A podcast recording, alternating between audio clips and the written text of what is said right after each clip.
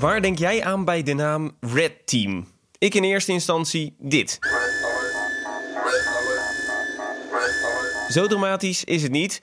Wat dat Red Team wel is en wat we eraan hebben, leg ik je in 7 minuten uit. Ik ben Kees Dorrestein en dit is een nieuwe helder. Meet the Red Team, a Mission Impossible crew in the flesh. En als je dan ook nog niet luistert naar de critici, dan maak je zelf de critici nog veel groter. Het zogenaamde Red Team, hè? Het Red Team, dat is een club van mensen die ons hè, scherp houdt. Helder. Eind juli was dat Red Team er ineens, toen het een brandbrief stuurde naar het kabinet over het coronabeleid. En dat is snel een invloedrijke speler geworden in de coronadiscussie.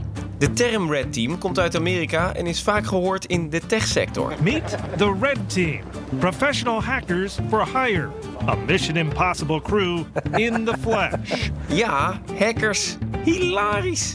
Zo'n Red Team controleert of bedrijven hun ICT-zaakjes op orde hebben. De leden van dit Red Team omschrijven zichzelf net iets anders als een onafhankelijke adviesgroep die kritisch naar het beleid van het OMT en het kabinet kijkt. Wat een red team eigenlijk betekent in bedrijfsprocessen bijvoorbeeld, is dat je alle twee teams hebt, eh, de blue team en de red team. Eh, De blue team en de red team werken allebei aan een vraagstuk, maar die werken eigenlijk in afzonderlijke teams om elkaar zo scherp mogelijk te houden. Je hoort hier veldepidemioloog Amrish Baiju, een van de belangrijkste leden. De andere kopstukken zijn Wim Schellekens, hij is oud-hoofdinspecteur van de Inspectie voor de Gezondheidszorg... en die lid van het COVID-19 Red Team. Ginny Mooi, je bent antropoloog. Arnold Bosman, epidemioloog. en Bert Slachter, expert complexiteit en onzekerheid. in totaal zitten er nu 12 deskundigen uit verschillende vakgebieden in die groep.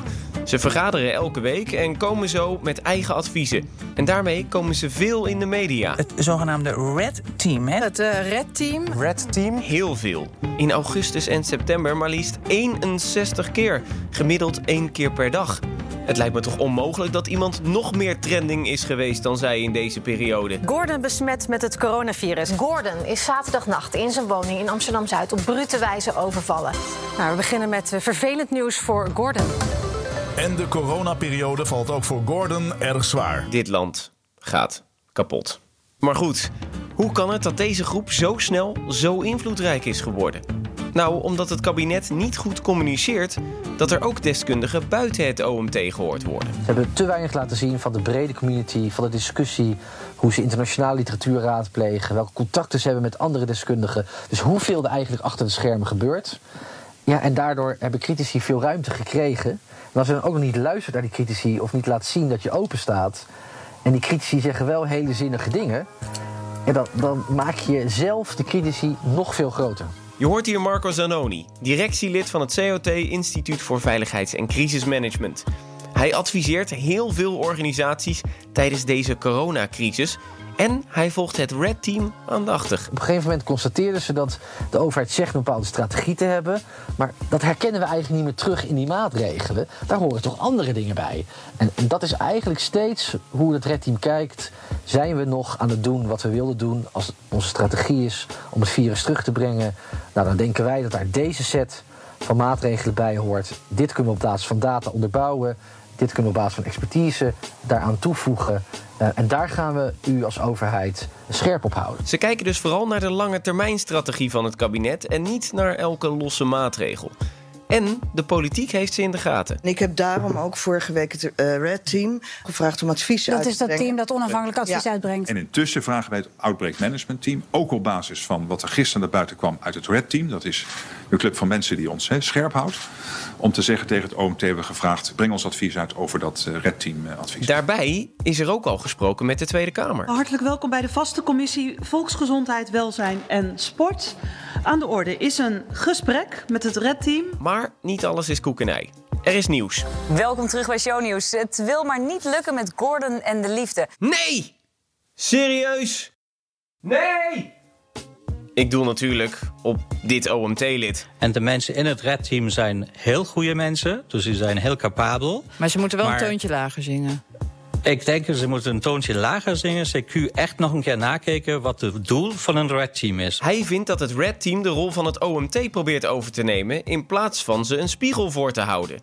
Is het wel zo verstandig om nog meer deskundigen met een mening te hebben? In zijn algemeenheid eh, helpt de discussie tussen deskundigen niet. Dat helpt niet bij het vertrouwen. Want ook daar kan je ook als individu, als burger, kan je ook een soort pick and choose doen. Hè? Het is ook een bekend gegeven vanuit het crisismanagement.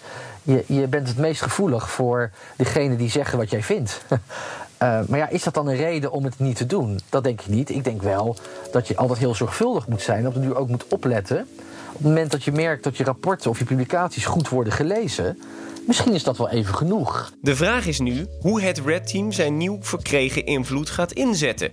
Achter de schermen of in de media. En ik denk dat het voor het Red Team ook wel een mooie eigen reflectie is. Van uh, op het moment dat wij iets adviseren, en we adviseren het een paar maal, er is ook naar ons geluisterd, maar er wordt toch iets anders gekozen.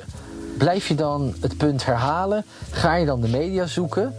Waardoor je meer wordt dan zeg maar een expert met een tegengeluid, maar waar het activistisch wordt. Ik denk dat daar een risico zit. Het is volgens Marco ook belangrijk om nu een duidelijke rolverdeling te krijgen.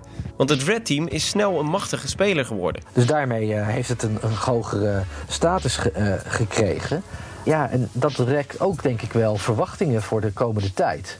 En daar komt ook wel de discussie vandaan vanuit het OMT. Van wacht even, we moeten ook niet laten lijken alsof we nu inderdaad in de werkelijkheid een blue en een red team hebben. Uh, wat tegen elkaar opbokst. En waar je dan als uh, beslissers um, het even, evenwaardig naast elkaar legt. En een soort uit kan kiezen wat je het beste bevalt. We moeten dus geen echt red team krijgen, een tegenhanger. De beslissingen moeten bij één partij blijven. Dat moet het OMT zijn en ook het OMT blijven. Er moet gewoon helder zijn wie heeft welke rol, wie gaat over wat. Maar het OMT moet vooral laten zien dat ze openstaan voor, uh, voor input, voor reflecties, voor tegengeluiden. En het vooral omarmen. Uiteindelijk weet niemand precies wat de beste coronamaatregelen zijn. Dus de adviezen van het Red Team kunnen een bijdrage leveren. Marco vindt ook dat het OMT nog meer een platform kan worden waarin veel verschillende deskundigen geraadpleegd worden voordat er een advies komt. Het is nu vooral de vraag of het Red Team zich ontwikkelt tot adviesorgaan of tegenpartij. Helder. Vond je deze podcast leuk? Abonneer je er dan vooral op en vertel het al je vrienden en kennissen, zodat het wat meer bekendheid kan krijgen. En heb je Apple Podcast? Laat dan vooral een positieve recensie achter. En voor elke 5 sterren recensie stort ik 1 euro in het Help Gordon de Winterdoorfonds. Volgende week weer een nieuw onderwerp. Lekker helder.